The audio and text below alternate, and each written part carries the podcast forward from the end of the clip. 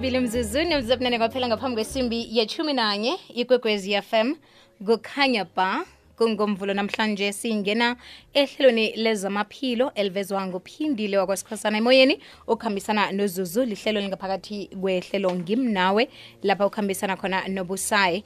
Kileli hlelo ke uthola ilwazi lokubana ungahlala njani uphile kuhle begodwa ungenza njani isiqiniseko sokubana nangabe sele ungenwe bulwelwe ukhone ukubulawula. Njengobana ke elangeni la izolo bekugidingwa ama-midwives namkha-ke bomma basanda ukuthola benwana namhlanje sizokukhuluma ngokubana yini ama-midwife um enza umsebenzi onjani nokubana kuba yini kuqakathekile um kubana bagidingwe? Emtatweni namhlanje sike sikhambisana nomatron ngosesimamsi masilela ozosinabela ngesihloko sethu.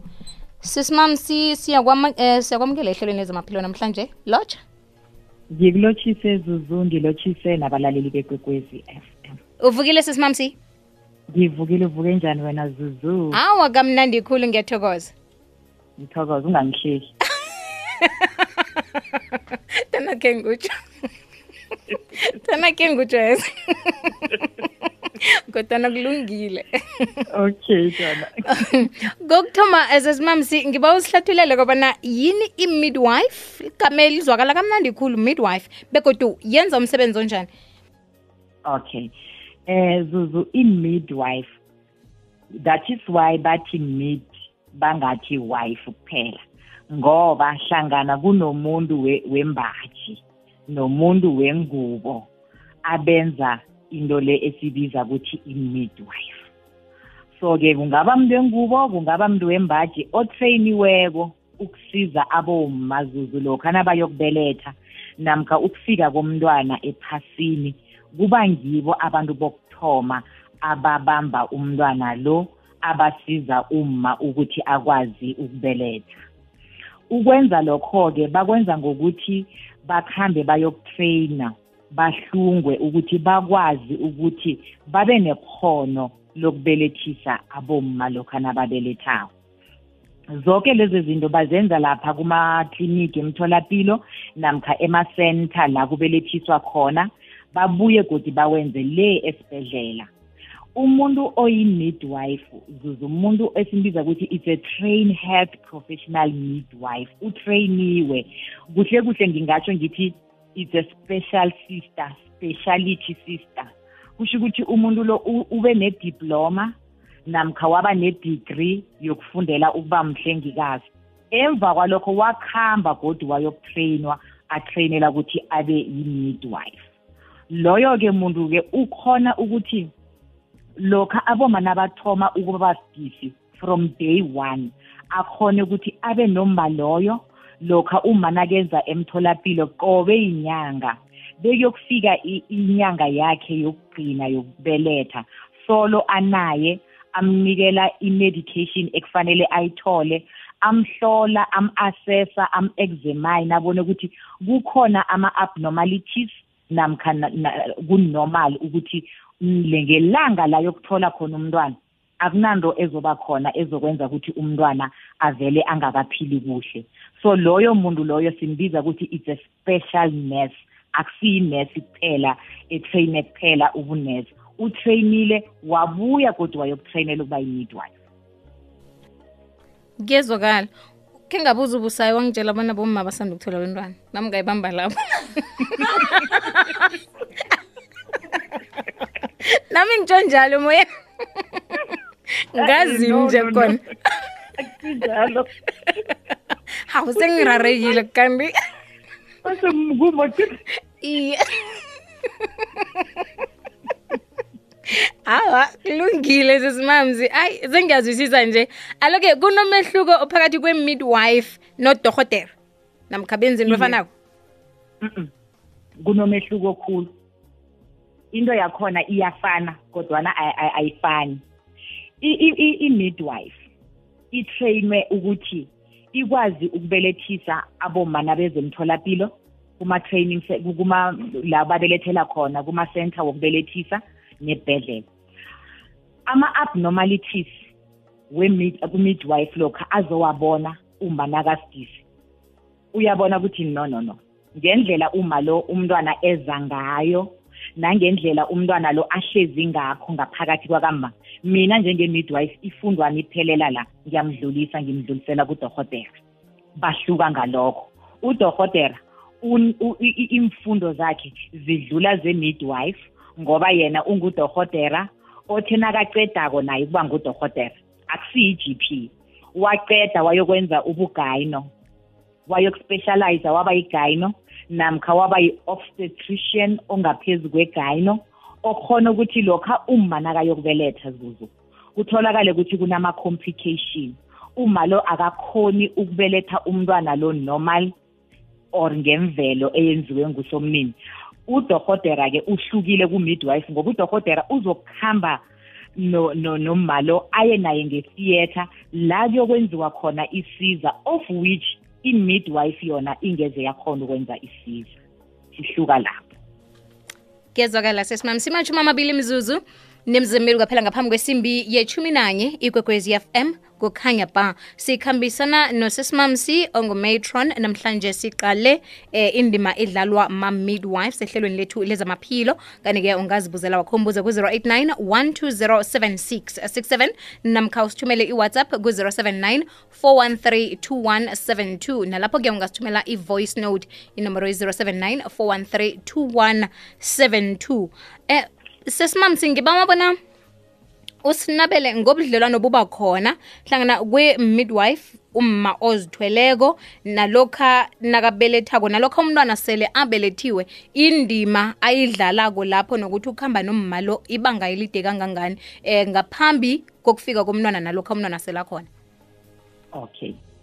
Ngithokoze zuzu. Kunalento lesibiza ukuthi i-anti-mental care ANC not i-ANC yehlangano ANC anti-mental care. Lokha uma nakathoma abasidisi bayaya-ke emtholapilo emakliniki kulaba yokuthola khona ama-midwife. Ama-midwife azomcheck-a uma lo ukuthi umntwanakhe unenyanga ezingaki? Eh uma udla njani? Uma uziphatha njani nje i-lifestyle uma azoyiphila lokho nakasidisi ngaphambi kokuthola umntwana? Bese amenzele enye i-maternity record book. Labhala khona ukuthi uma lo uzile ngimcheckile akana high blood ngoba siyazi ukuthi nawusidisi akukamele i-high blood yakho ibe phezulu. Nangabe unayo kumele i-midwife akunikele i-treatment yokwehlisa i-high blood so that i-high blood ingatholi seyiyenza ukuthi uthole umntwana ngaphambi kwesikhathi. Ngizo-ke izinto ezicheck-a i-midwife ukuthi okay uma lo u-h i v positive ngiyamcheck-a and then and ngapha usidisi angimthome ngama-ARVs ukuthi umntwana nakabelethwako abelethwe yena a-negative. Ngizo izinto esizicheck-ako nakathoma-ke uma lo bathathwa ama-blood test azokucheck-a ukuthi uma akanayo i-syphilis i-syphilis siyazi ukuthi i-s t d sexual transmitted disease esezingeni eliphezulu. Nakungukuthi uma uthe nakasidisi wangatrithwa i-syphilis le umntwana nakavelako kungenzeka vele angaboni emehlweni lokho nakadlulako lapha kuma avela iyam-affect im-affect amehlo angasaboni.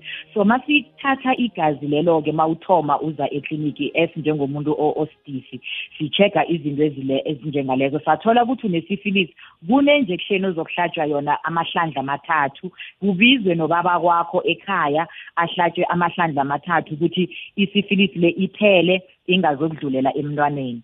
Asipheleli lapho-ke. Ama-midwife a-check-a nokuthi eh i-blood group yakho ngiyiphi. Why kucheckwa i-blood group? It's because senzelela ukuthi mhlana uyokubeletha nakungenzeka uluze ingazi eziningi sikwazi ukuthi esibhedlela already sebalungisile ingazi zakho abazokunikela zona. Bazi ukuthi ungu-blood group a b or o izinto ezinjengalezo. Nakanjani umele ukuthi uyikhambe ikliniki before? Bekufike-ke ilanga lakho lokubeletha i-midwife ibaluleke khulu ephasini zuzu ngoba umuntu okuthoma okhongozela umntwana nakafikako ephasini. La uma yena angakwazi ukuzisiza khona i-midwife uba nguye osiza uma umntwana nakasasele ngemzuzu emihlanu ukuthi afike ephasini amsize kulobo budisi leyo lobo bekabuye akhongozele umntwana nakavelako aqede amphuthele amenze kuhle amhlambise uma nakathoma phaphama aba-right amnikele umntwana akhe amfake ibele amfundise nokuthi ummunyisa njani umguga njani umbamba njani bekufike lapha adischarge khona esibhedlela. Nangabe umntwana kumele athole i-treatment yokuthi uyasela umntwana lo mhlambe bekakuthi what what what uyanikelwa izinto ezinjalo. Zonke lezo zinto lezo zenziwa i-midwife tot bekufike ekugcineni. Emva kwalokho kunama after uthole umntwana uyekhaya uzokubuya after three days. Solo kusese-midwife ezokufika ithega umntwana lo after three days ukuthi ubelethe umntwana onormali na? Awukakabelethi umntwana o-disable konke lokho kusese-midwife ubuye godu after six weeks la i-midwife izokuthoma khona isikali sokukhamba umntwana solo yi-midwife todi umntwana bekufike la azikhambela khona mberego we-midwife. Umbereko oqakathekileko-ke msimidwife ngoba engizwe ukuthi kuba nezinto ezingatshejwako uthole ukuthi umntwana khe ngabonwa ukuthi unekinga. Lapho khunye bayokubonwa ngumakhelwana lapho khunye bayokubonwa ngugogo ukuthi mani umntwana lo unekinga. Kanti thanda bekune-midwife into ezobe ziza kubonakala msinya. Ahake i-midwife i-midwife zuzu sonke nje sikhona siyakhuluma mina nawe yingoba sathina sifikako ephasini sakhongozelwa yi-midwife. Ngikuzwa kuhle.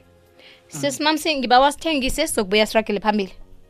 Ilithumi mzuzu nemzuzu esithandathu kwaphela ngaphambi kwesimbi yechumi nanye ikwekwezi fm kukhanya bhasi sehlelweni lezamaphilo emoyeni usakhamba nozuzu sikhambisana nosesimamsi ongumatron kanti-ke ukubuza wakhumbuza ehlelweni lezamaphilo namhlanje njengoba sikhuluma ngendima edlalwa ma-midwife ungasidosela umtato ku-089 1207667 namkha usithumele iwhatsapp ku-079 413 2172 iwhatsapp yakho ingaba mlayezo otlolweko namkha ibe yi-voice note. 089 12076 67 sesimamsi muntu onjani ongaba yi-midwife? Ngingase ngisuke namhlanje ngithi awa nami ngifuna ukuba yi-midwife namkha kunobuntu obuthileko obuqalwako lapho? Awa angekho ususuke uyoba yi-midwife. Kumele uthome ube ngumhlengikazi uyokutraina for four years. Ungaya emakholeji for diploma.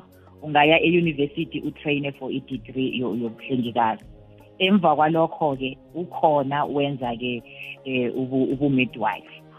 Kuyahluka-ke amanye ama-training kule training ye-four years ngaphakathi kwayo kune-midwife. Then-ke kulaba abatraine ema-training college wabo kungenziwa imidi sibiza ukuthi imidi kwangenziwa imidi kuyakateleka-ke kuyakateleleka ukuthi sele une-degree yakho mara unganayo imidi na ufuna ukuyokutraina ube yi-midwife uyaya uyokutraina kodwana i-four years le esikhathini esiningi unyaka omunye wakhona ngaba mnyaka wesi-three namkha umnyaka wesi-four ngaphakathi une-midwife. Namkha ungaya e-university omunye umnyaka une-midwife. And awuzokutraina e-university namkha ecollege kuphela. asikisi zuzu. Uyakhamba uye ebhedlela namkha emakliniki la uyokwenza i-practical khona ngoba i-midwife is all about practical. Yes i-theory ikhona kodwana i-practical ngiyo ekungiyo efunekako. Njenge-trainer leso sikhathi-ke otrainwako uba nencwadakho ozokuhamba ngayo uye esibhedlela ufike lapha bakunikele umma bathi nanguma mthome phasi umbelethise bekuyokufika ekugcineni. Bakhona ukubona ukuthi ikhono lakho ungayenza into le sele usesibhedlela uweda awuzokwenza ama-hazard. Bekufike la uphasa khona ukuthi awa simbonile ubabelethisi abomma bayi-21 ngaphakathi esibhedlela namkha ekliniki unekhono uyaphasa-ke.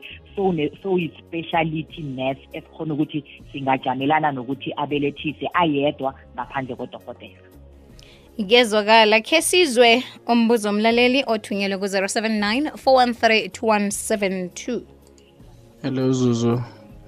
Kunjani mama? Like ngithanda ukungazisho igama nebe ngicela ungibuzele kusesimams ukuthi kubangelwa yini mhlambe like uthi ukhulelise mhlambe umuntu but abantwana balebele bayandlula emhlabeni like uthola miscarriage or like athi maceda ukuzalwa bese uyashona like maceda ukufika emhlabeni. Because ngike ngakhuluma nosesimams ngelinye ilanga so wangitshela something so bengicela ungibuzele yena. Ukuthi like kwenziwa yini? Kumele kwenziwe kanjani? Isinyathelo kumele sithathwe isiphi? Ngiyabonga zuzu. Nakumbuzo sesimam sinawo-ke uphathelene nokubelethwa kwabentwana nanyana ungakhulumi ngama-midwives nje.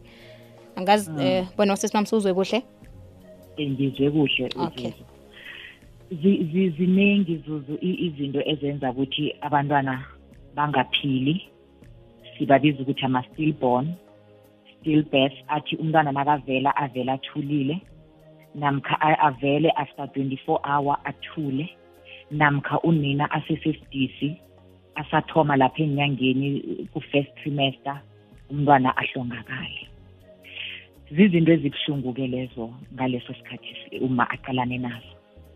Zenziwa ukuthi kwesinye isikhathi kuthola ukuthi uma ube sidisi kanti une-infection ekhona ngakuye. So umntwana nakathoma agula akhula uya-affecteka i-infection leyo bese uma abuye endleleni. Okwesibili into engikhulume ngayo ye-high blood.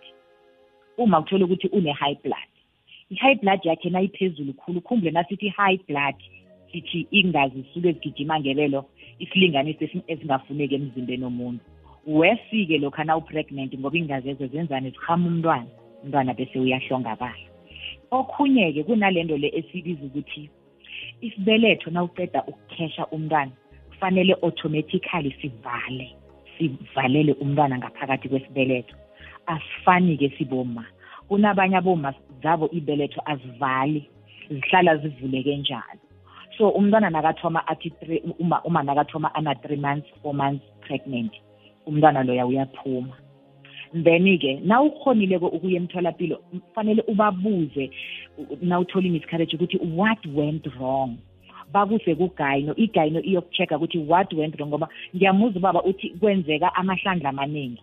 Akutholakali ukuthi yini into yenza lokhu so that nangabe yinto leyo ukuthi isibeletho asivali kunalento esibiza ukuthi i-shirot castitch shirot castitch le uthi na una-three months uye esibhedlela igayino akufake esinye isitishi abophe isibelethwesi then-ke uzokuhlala nesitishi eso zuzu for nine months then two weeks before uyokuthola umntwana or ngalelo langa othola ngalo umntwana bayasikhumula-ke isitishi eso. Then umntwana ukhonile ukumsave for nine months. Okokugcina-ke i-stress. Uma naka-stress i-stress sisodwa siyenza ukuthi i-high blood kamba ikhuphuke ngaleso sikhathi leso msinya.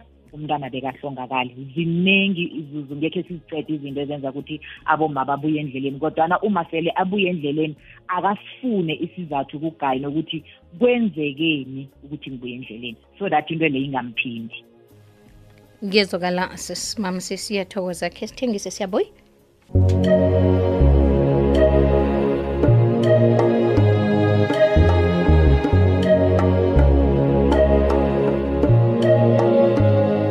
ibunane kwaphela imizuzu ngaphambi kwesimbi yethumi nanye ikwekwezi fm kukhanya ba sirakela phambili nehlelo lezamaphilo ku-089 12076 67 089 1207667 ikwekwezi usemayini utshani eh sibuye size ngapha sizwe umbuzo womlaleli. Mm khe senze nje ku-079 4132172 iwhatsapp yomhatsho Hello Zuzu. Ukhuluma noMamsheli waseZimbabwe. Mina nginenkinga bengicela ukubuza. Umntanami ukhulelwe ne isisu ses2. Mara mathola umntwana wokuchala bathi angazi ngiyibiza kahle na igama lakhona bathi rhesus lawa ma rhesus angazi positive or negative igazi balithathwayo. So elakhe lithi negative. So bathi ukhona umuthi kumele awu a- injection or yini kumele ayi ayisebenzise. Kahle kahle kuyenziwa yini? Why kunjalo ukuthi uthole ukuthi umama unegative bathi umntwana abe positive bathi uyashona? And lo wesi-2 bathi kungenzeka vele angaphili. So bengicela ukuthi ungibuzele usisimams ukuthi kahle kahle kwenziwa yini? Kahle kahle why kuba njalo? Angizwisisi mina ngibuye ezimbabwe ngiyabonga. Sesimam siwuthole kuhle umbuzo eh nguthole kuhle. Siyathokoza. Uqinisile uma yilento ebe ebengikhuluma ngayo ukuthi lokha na uthoma ukuhamba umtholapilo sithatha amagazi si-check-e ukuthi lakho igazi lizobuya lithi negative or positive. Lapho-ke balaleli ningizwisise angikhulumi nge-blood group. Ngikhuluma nge-negative ne-positive yegazi lelo esizobe thina sazi ukuthi silithathela maphi ama-test. Lelo gazi lelo vele kumele libuye lithi positive. Wena ungacabanga ukuthi na uthi positive li-wrong vele silifuna libe njalo. Kunabanye-ke aboma labo igazi libuya lithi negative of which is wrong iingazi zakhe zisuke zingakhambi kuhle and zingekho zicorresponde nezomntwana. Then-ke lokho kwenza ukuthi vele umntwana angaphili. Kusho ukuthi vele lekho sithi i-complication eyenzeka ngaleso sikhathi ekhona kuma and engase-right nakancane so vele uma kuba ne-treatment ayitholako bese nakhonakalako adlulisele kugayino ukuthi kuyocorrectwa into leyo ngoba lokho nayingacorrectekiko umntwana bakhe angekhe baphile. Ngiyezwakala sesimamsi kunomlaleli lapha othi kuhle kuhle eh akusimo khe ngathanda ukuzitsho nokho. Um uthi akusimbuzo ngendlela uthi ngendlela basiphatha ngayo embedlela ama-midwives la akasiphathi kuhle.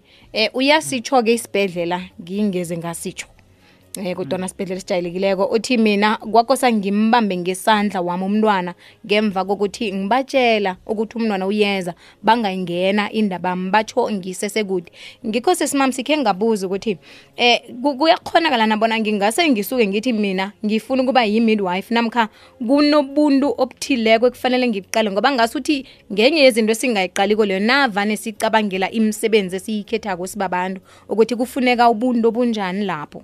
Fanele ngibe umuntu onjani? Hmm, zuzu. Yazi umbuzo lo obuzwa mlaleli kukaningi noma sikhamba si-educate abantu umbuzo loyo awungeze wawuthoka. Ukuthi hmm. siyaye ebhedlela kodwa nama-midwife awasiphathi kuhle. Mina engizokutsho nasiyokucechetshwa laphayana emayunivesithi sifundiswa ngabo ubuntu lobo into yokuthoma esifundiswa ngayo.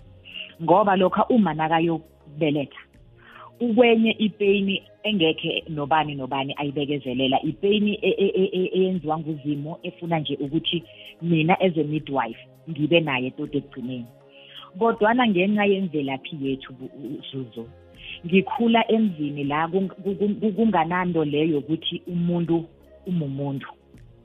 Into leyo ngiyanayo kuma-university bengiyokufika nayo esibhedlela solo mina ngine-attitude ngifuna hmm. ukuyibeka as hmm. attitude hmm. okay ngine-attitude yami ngingumamsi engifika esibhedlela solo iyangilandelela nginayo nginama-degree ngina-everything ama-qualification ngibizwa nge-specialist but i've got this attitude yokungazi ukuthi this is a patient umuntu uyangitshela ukuthi uzwa so ngoba mina ngiphethe i-theory yami. Ngicala i-theory yami ukuthi mm umntwana akekho umntwana akezi mina ngichekile usesekude. Hmm. kanti basifundisa ukuthi lalela i-patient ukuthi thini.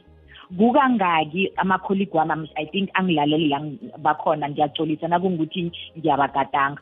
Kukangaki um, umuntu athi simcheck-a thina uthole ukuthi uyabona ukuthi isikhathi sikude mara one two three umntwana bekhona. So lokho kufuna ubuntu bami as a midwife. Ukuthi ubuntu bami bufikaphi ngimuzwelela njani i-patient and nginozwelo olungangani? Sengithatha ifundo wami ngiyibekele kade ubuntu ubuntu be-midwife ubuntu be-nurse ngide kube ngaphakathi kwami abakazongifundisa esikolweni ngimi. Esikolweni ufundiswa umsebenzi awufundiswa ubuntu. Ubuntu bayasifundisa kodwa na unganabo mm, wena mm. kuphuma net na uphuma ngeklasini. Angeze wakatelela. wena ubuntu angeke ukatelele and awufuni ukutshentsha. Wena uyi-midwife usewodini i-patient izwa ngawe noma sekathi nginepeyini awufuni ukuzwa next. Ikhona ipeyini ivele yokubelethwa angekhe ithuliswe injection but kufuneka le nto yokuthi reassure reassure the patient. Iduduze iba naye khuluma naye todi kufika isikhathi sakhe sokuthi umntwana afike ngoba ipain leyo ayibekezeleleki bubuntu bami-ke lokho ekufanele bube khona.